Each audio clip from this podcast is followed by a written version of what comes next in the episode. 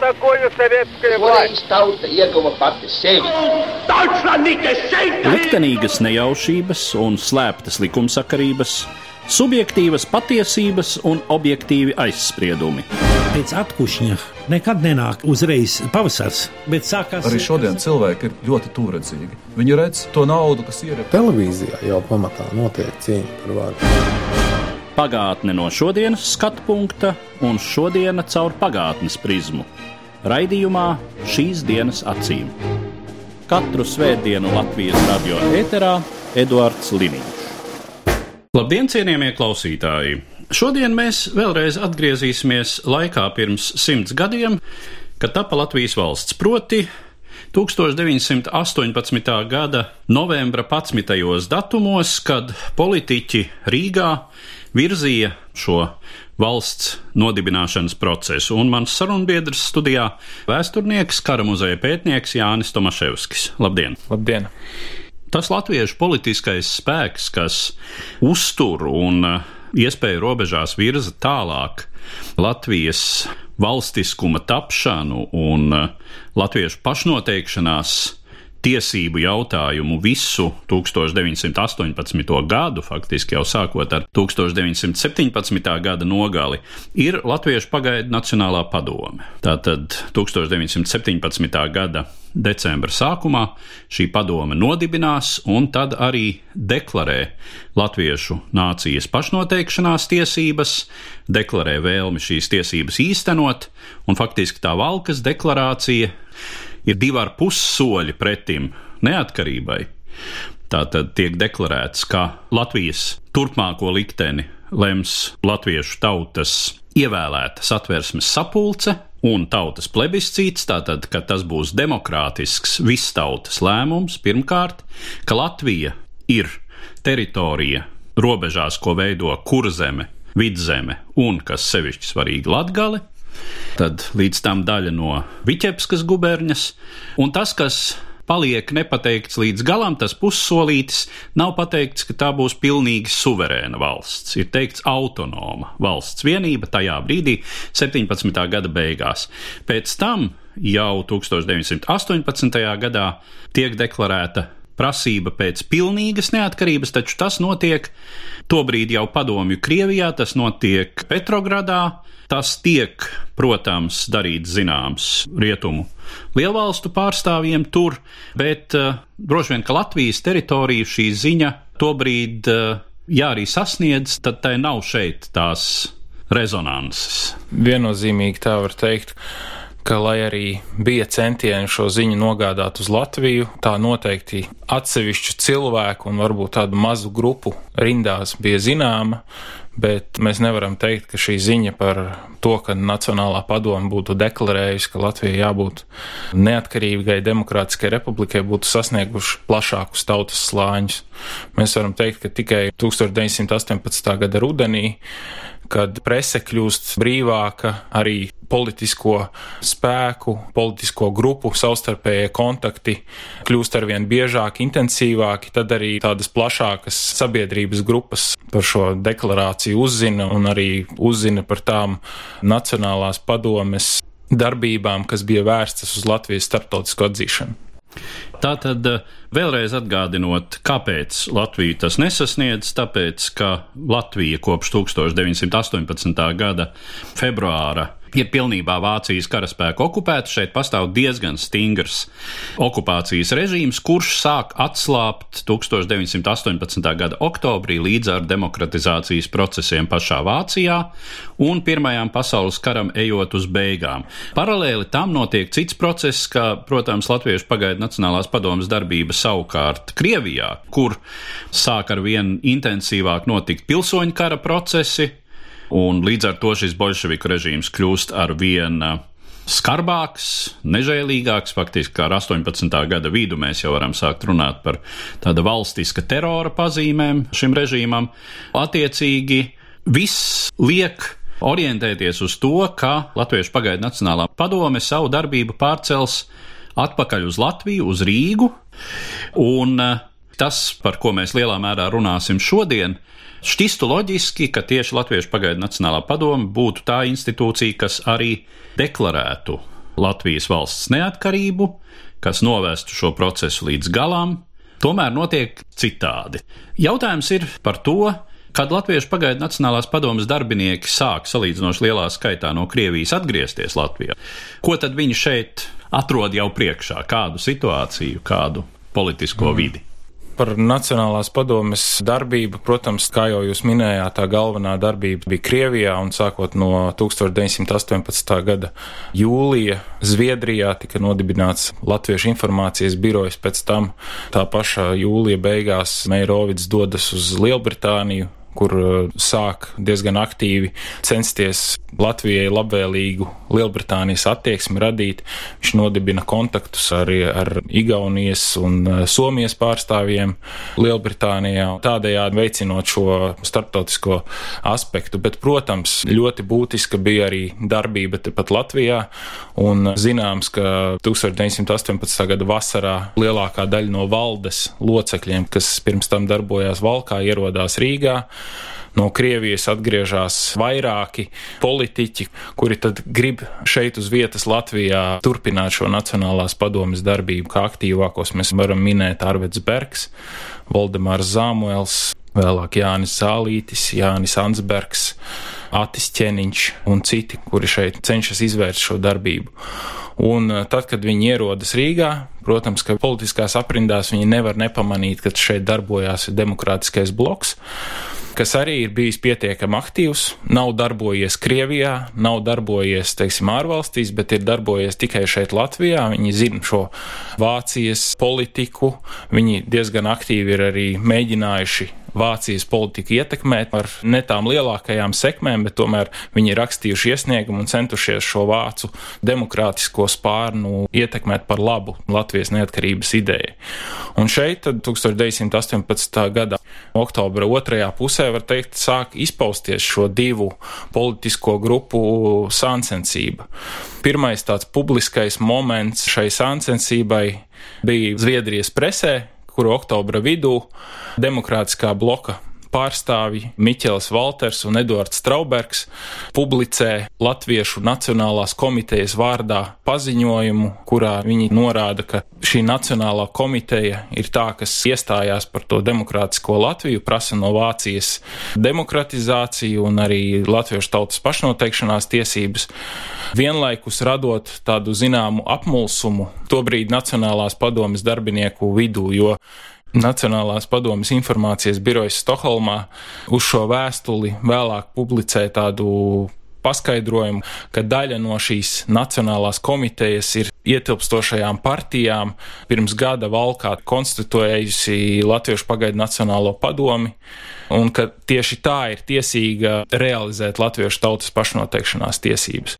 Vēlāk minētie Traubergs un Miķels Valters dodas uz Vāciju, kur Bādenes princim Maksimiliānam arī iesniedz līdzīgu deklarāciju par to, ka šī nacionālā komiteja tieši būtu tiesīga realizēt latviešu tautas pašnoteikšanās. Un tas ir sākums tādai publiskai un vēlāk aizkulišu cīņai par to, kurš tad būs tas noteicējs, kurš teiks, kā tad Latvijas valstī ir jātop.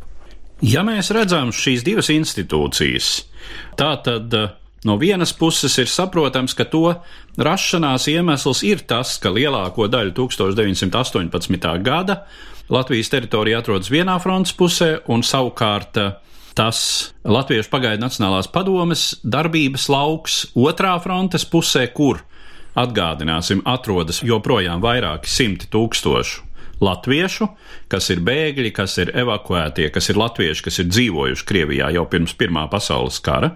Tātad ļoti nozīmīga to brīdi latviešu nācijas daļa atrodas tur, un tur ir iespēja uzturēt šos kontaktus ar rietumu lielvalstu un arī tobrīd pasaules karā neitrālo valstu pārstāvjiem, atkal jau definējot šo latviešu pašnoteikšanās ideju kādas, protams, nav Vācijas okupētajā Latvijā.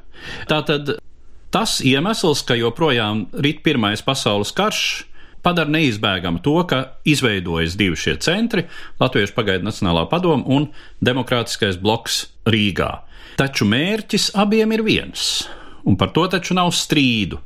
Un jautājums ir, ja šai galvenajā līnijā ir nepārprotams saskarsme abiem spēkiem, tad kur ir tie aspekti, kuros tad tie nesaskaras, kur ir tie konfrontācijas punkti? Jo tās taču nav tikai privātas ambīcijas. Tā ir skaitā privātas ambīcijas, bet, protams, aiz šīm privātām ambīcijām stāv kaut kādas intereses un arī simpātijas pret kaut kādiem politiskajiem uh, uzskatiem un tam līdzīgi attieksmē pret starptautisko situāciju. Nu, šeit varētu minēt noteikti vairākus. Pirmais ir tas, ka nesakrita Nacionālās padomas un demokrātiskā bloka uzskati par to, kas tad būs šis uh, latviešu pašnoteikšanās starptautiskais garants un galvenais atbalsts. Ja Nacionālās padomes gadījumā tie bija Antantes spēki, nu galvenokārt Lielbritānija, Francija un Amerikas Savienotās valstis, tad uh, demokrātiskā bloka uzskatos Vācija bija tas galvenais faktors, kas no arī Latvijā uz vietas spēlēja galveno lomu, un arī Vācija tobrīd pirms vēl Pirmā pasaules kara noslēguma tomēr bija joprojām lielvalsts, ar kuru demokrātiskā bloka pārstāvji uzskatīja, ka bija jārēķinās. Šis ir tas viens aspekts. Otrs aspekts, kas izcēlās šo partiju sarunās, kas 1918. gada oktobrī iesākās un sākotnēji diezgan pozitīvā gaisotnē, tas bija aspekts par to, kas tad būs šis sastāvs, kas veidos šo latviešu pārstāvniecību, tātad nākamo tautas padomi. Kas tur ietilps? Ja Nacionālā padome jau no 1917. gada no padomes dibināšanas sastāvēja ne tikai no politiskām partijām, bet pat vairāk no sabiedriskām organizācijām, karavīru organizācijām, kooperatīviem, tad eh, demokrātiskais bloks uzskatīja, ka tur jābūt tikai partijiskajam principam, ka šai tautas padomē jāstāv tikai no politiskām partijām.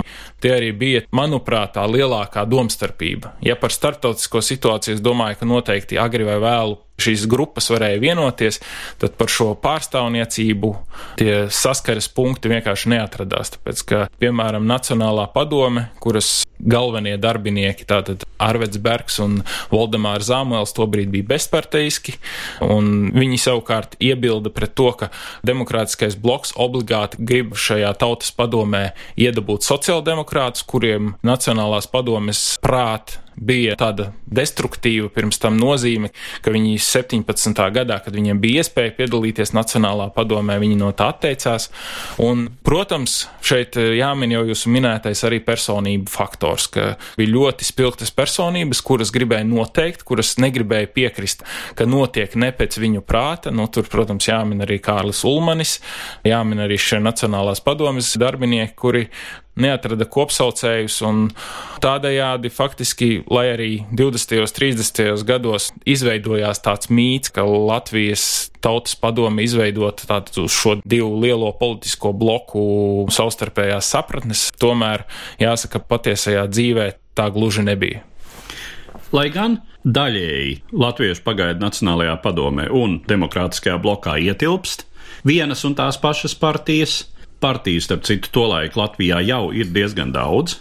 Te gan jāsaka, tā ir divi lielie spēki no partiju tā spektra raugoties. Tātad Latviešu zemnieku savienība. Tajā brīdī jāsaka centrisks, ja ne pat kreisi centrisks spēks, jo Latviešu zemnieku savienība cik nu man ir zināms, lielā mērā pārņēma to elektorātu, kas gadu iepriekš diezgan masveidīgi bija balsojis par uh, latviešu sociālistiem revolucionāriem. Tātad zemnieku sociālistiskās partijas elektorātu.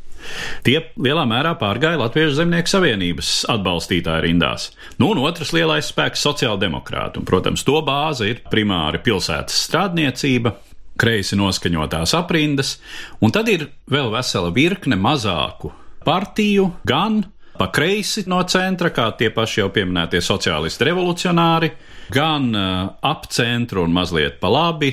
Nacionāli demokrāti, radikāli demokrāti, demokrāti, republikāņi šo spēku ideoloģiskās un pārstāvētā elektorāta aprises ir pat diezgan grūti konstatēt, un faktiski šīs partijas lielākoties arī izrādās īsmūžīgas. Tās pastāv dažus mēnešus vai dažus gadus, varbūt, un tad pārveidojas citos politiskos spēkos, jau pēc tam veidojoties neatkarīgās Latvijas politiskajam spektram, kas nenotiek ne ar Latviešu zemnieku savienību, ne ar Latvijas sociāldemokrātisko strādnieku partiju. Tās partijas paliek vairāk vai mazāk stabilas. Un vēl jau ir viens liels jautājums, un tas ir jautājums par nacionālajām minoritātēm, kur arī demokrātiskajam blokam un Latviešu pagaidu Nacionālajai padomē ir diezgan radikāli atšķirīgi uzskati tajā brīdī.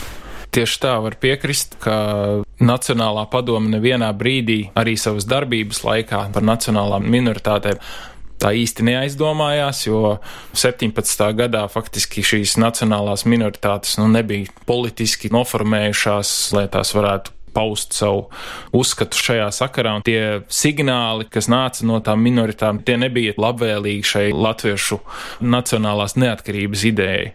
Un jāsaka, ka 1918. gadā tā situācija varbūt bija nedaudz atšķirīga, jo gan vācu baltiešiem nebija tomēr tik vienots uzskats par to, kādai Latvijai ir jābūt. Tur, teiksim, bija grupas, kas vairāk atbalstīja Latvijas neatkarības ideju. Tāpat arī par poļiem, kuri bija Latgalē joprojām joprojām pietiekami daudz arī par viņu uzskatiem. Var teikt, ka tie bija tādi duāli par ebrejiem un citām mazākām minoritātēm. Šis demokrātiskais bloks uzskatīja, ka tās ir jāiesaista, ka jāiesaista visi sabiedrības slāņi, jo agri vai vēlu viņi sapratīs, ka Latvijas neatkarība ir arī viņu interesēs. Kārlis Ulmanis, kurš bija galvenais demokrātiskā bloka ideju virzītājs, neskatoties uz to, ka viņam Nacionālās padomes darbinieki jau 18. gada novembra vidū piedāvāja kļūt par ministru prezidentu Nacionālās padomes dibinātā organizācijā, ka viņš varētu noteikt šīs pagaidu valdības sastāvu un tam līdzīgi, tas viņam nebija pietiekami spēcīgs arguments, lai viņš atteiktos pirmkārt no sadarbības ar sociāldemokrātiem un otrkārt no idejas par to, ka šai tautas padomē jāsastāv no visiem sabiedrības slāņiem. Un tā tad runājot par šīm politiskajām partijām, kuras es jau pieminēju, tad eh, daļa no tām savulaik ir veidojusi gan Latviešu pagaidu Nacionālo padomi, tajā pašā laikā šīs pašas partijas ietilpst arī demokrātiskajā blokā, un tur notiek arī tāda politiska migrēšana, jo daļa sevišķi šīs mazās partijas nosveras pakāpeniski vairāk demokrātiskā bloka un šīs ulmaņa definētās ievirzes virzienā, un savukārt, kas attiecas uz Latviešu zemnieku savienību, tad nu, tā ir faktiski šajā brīdī tas vienojošais, cementējošais spēks. Tajā brīdī arī patiešām īstena centriska partija, kas mēģina savienot visus Te ir jāatzīmē vairākas tādas iezīmīgas figūras, ja Ulmanis, teiksim, stingri stāv uz savas platformas, tad, piemēram, Adolfs Klīve ļoti ilgi mēģina tomēr atrast kompromisu starp Latviešu pagaidu Nacionālās padomas vadību, starp Zāmuēlu, Bergu un Ulmani. Jāsaka, Ulmanis izrādās politiski un droši vien arī psiholoģiski ietekmīgāks, un klīvi pamazām pārvelk savā nometnē. Savukārt Miķels Valters, kuram ir izteiktāka tā kreisā ievirze pagātnē bijusi ļoti cenšas pievilkt tos sociāldemokrātus, kuri tur arī tā stipri vien koķetē. Adolfa Klīves faktors vismaz saskaņā ar viņa atmiņām, jo viņš ir diezgan plaši izrakstījies par šīm lietām. Tiesa trimdes gados, ne Latvijas neatkarības eh, laikā. Nu, jāsaka, ka klīves faktors bija tiešām nozīmīgs, vismaz pēc viņa atmiņām spriežot, jo viņš tā kā tādu starpnieku lomu centās spēlēt starp Nacionālo padomu un Demokrātisko bloku, jo, protams, viņš bija tikko ieradies no Krievijas. Viņš arī bija informēts par Nacionālās padomes eh, starptautisko atzīšanu kas tomēr bija ļoti būtisks faktors, kas tomēr šo Nacionālās padomjas lomu un nozīmi nu, ievērojami viņa acīs palielināja. Viņš arī centās apelēt pie Ulmaņa politiķa prāta, ka viņš uzskata, ka šī starptautiskā atzīšana ir pietiekami svarīgs faktors, lai Nacionālo padomi iesaistītu. Ulmanis bija noteikti gatavs Nacionālo padomi iesaistīt, bet tikai uz saviem noteikumiem. Savukārt Nacionālā padome nebija gatava šos uh, ulmaņa noteikumus pieņemt. Līdz ar to arī Klīve, kurš šaudījās kā tāda atspole starp vienu un otru politisko bloku, tad viņš arī ar laiku tika pārliecināts. Viņš apmeklēja Nacionālās padomes valdes sēdes, kurās tika aktīvi spriests, ko darīt, vai atbalstīt vai neatbalstīt šo demokrātisko bloku, un viņš redzēja Nacionālās padomes darbinieku tādu nedaudz atturīgu un nevēlēšanos teiksim, uzņemties atbildību tajā situācijā. Viņiem bija svarīgi, ka tiek sasaukta Nacionālās padomes pilnsapulce, kurā būtu tad jālēm, jāsagaida. No Krievijas atgriežamies Jānis Goldmanis, tātad šis ārlietu nodaļas vadītājs, kas bija ļoti ietekmīgs, protams, bet viņa atgriešanās nebija paredzama tajās dienās. Viņš patiesībā atgriezās tikai pašās novembra beigās. Un jāsaka, tāda vilcināšanās varēja tobrīd maksāt ļoti dārgi, un arī Klīve to galu galā saprata, ka labāk ir tomēr sākt kaut kādu reālu darbību, nevis vienkārši gaidīt Goldmani. Tas rezultāts mums ir zināms, kā Ulmanim tobrīd izdodas radīt pietiekami lielu politiskās centrtieces spēku, atvilkt pie sevis no pagaidu Nacionālās padomas visus tos, kurus varēja, pievilkt visus pārējos politiskā spektra spēkus un tad izveidot to, ko mēs zinām kā Latvijas tautas padomi, kā Latvijas priekšparlamentu, tātad politisko partiju pārstāvju orgāns, kurš tad arī 1918. gada 18. novembrī deklarēja Latvijas valstiskumu un kalpoja kā šis priekšparlaments vairākus gadus, līdz bija iespējams vistautas vēlēšanās ievēlēt Latvijas satversmes sapulci. Cik liels bija tas risks, ka Latvijas valstī topotu ne uz Latviešu pagaidu Nacionālās padomes bāzes, kura, atgādināsim, 1918. gada 11. novembrī bija saņēmusi Britu valdības de facto atzīšanu. Cik liels bija tas risks, ka tas varētu radīt negatīvas sekas, ka faktiski šis starptautiskās atzīšanas panākums varētu iet zudībā, un tad, mm -hmm. kas to zina, kā tālāk izdotos izveidot attiecības ar karā uzvarējušajām rietumu lielvalstīm. Nacionālās padomes darbinieku prāt tas bija risks, jo Lielbritānija, lai gan nebija pārliecinājusies, vai Nacionālā padome tiešām ir Latvijas valdība, kaut kādā ziņā noteicēja par to, kas te notiek, viņa to nebija izdarījusi, jo galu galā tobrīd karš bija tik tikko beidzies. Un, un, nu, Faktiski kara pēdējā jā, dienā šī atzīšana tika saņemta. Pēdējā dienā. Mutiska atzīšana gan bija jau 23. oktobrī bet Nacionālās padomes darbinieku prāti tas bija tiešām liels risks, un jāsaka, ka sākotnēji arī no Lielbritānijas kā galvenās šīs eh, starptautiskās atzīšanas eh, autoras bija sākumā tāda rezervēta nostāja neilgi pēc tam turpmākos divus, trīs mēnešus, kad Nacionālās padomes ārlietu nodaļas darbinieks Zigfrīds Anna Meirovics, kurš tobrīd bija Londonā, tātad oficiāli kļuva par eh, Latvijas ārlietu ministru un tautas padomes oficiālo pārstāvi. Tad tā situācija bija nedaudz atšķirīga, bet tobrīd, protams, tādi riski bija. Lielbritānija tiešām ieturēja rezervētā nostāju. Viņi gan, jāsaka, bija pietiekami reāli politiski. Viņi skatījās ne tikai uz to, kas ir tie Latvijas pārstāvi, bet arī kas te notiek reāli Latvijā, jo decembrī jau bija sācies sarkanās armijas iebrukums Latvijā. Līdz ar to Lielbritānija, protams, arī sekoja reālajām situācijai līdzi. Vērtējot šo situāciju kopumā un no šī brīža, šīs dienas skatu punkta, vai mēs varam teikt, ka tobrīd Latviešu pagaidu Nacionālajai padomēji bija raksturīga tomēr tāda zināma domāšanas inerce, kas, manuprāt, lielā mērā saistījās ar to, ka tā bija darbojusies visu laiku joprojām šai Krievijas varas telpā, kaut arī tā bija pavisam cita Krievija nekā vecā Krievijas impērija, bet tomēr. Tā tad inerce, kuru varētu raksturot kā joprojām vienas lielas impērijas mazas tautas domāšanas veidu, ka tur to palieku bija vairāk. Savukārt demokrātiskajam blokam ar Ulmani lielā mērā priekšgalā tā izjūta jau bija vairāk vērsta uz nākotni, uz tiem modeļiem, kā būs jāveido jaunā neatkarīgā Latvijas valsts.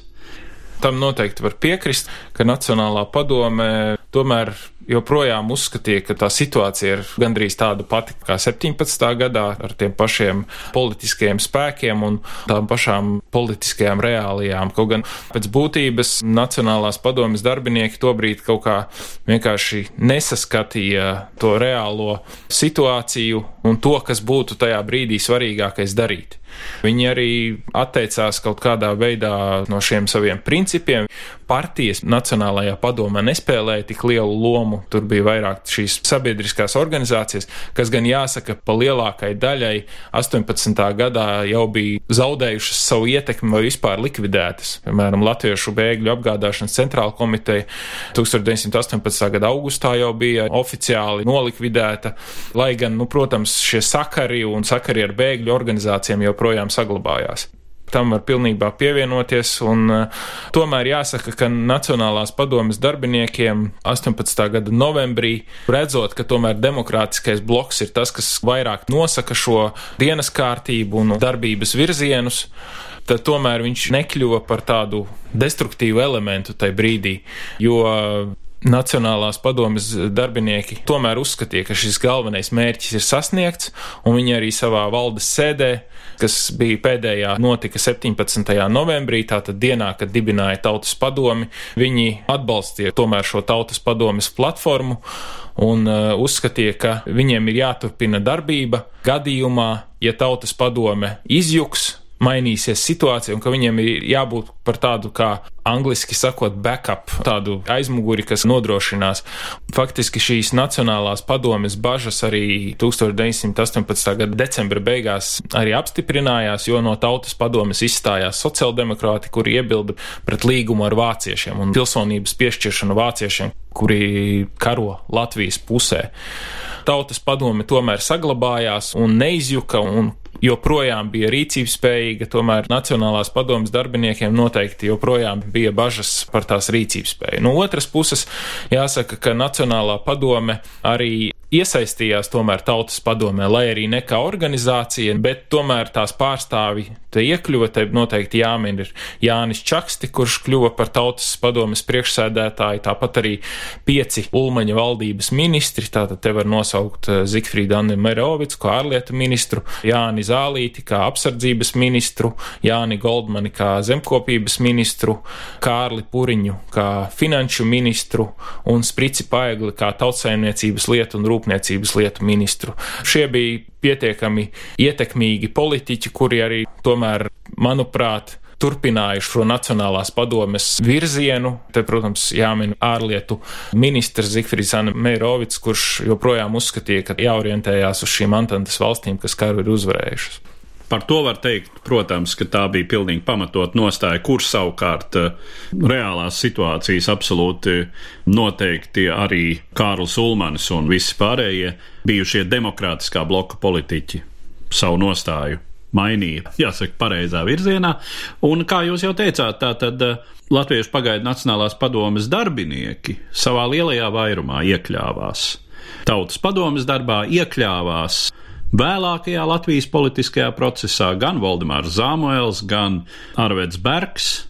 Tātad 1918. gada novembrī šie lielākie opozicionāri un uh, pagaidu Nacionālās padomes līnijas uzturētāji vēlāk kļuva par prominentām figūrām Latvijas politikā, bet tas jau ir citu sarunu temats.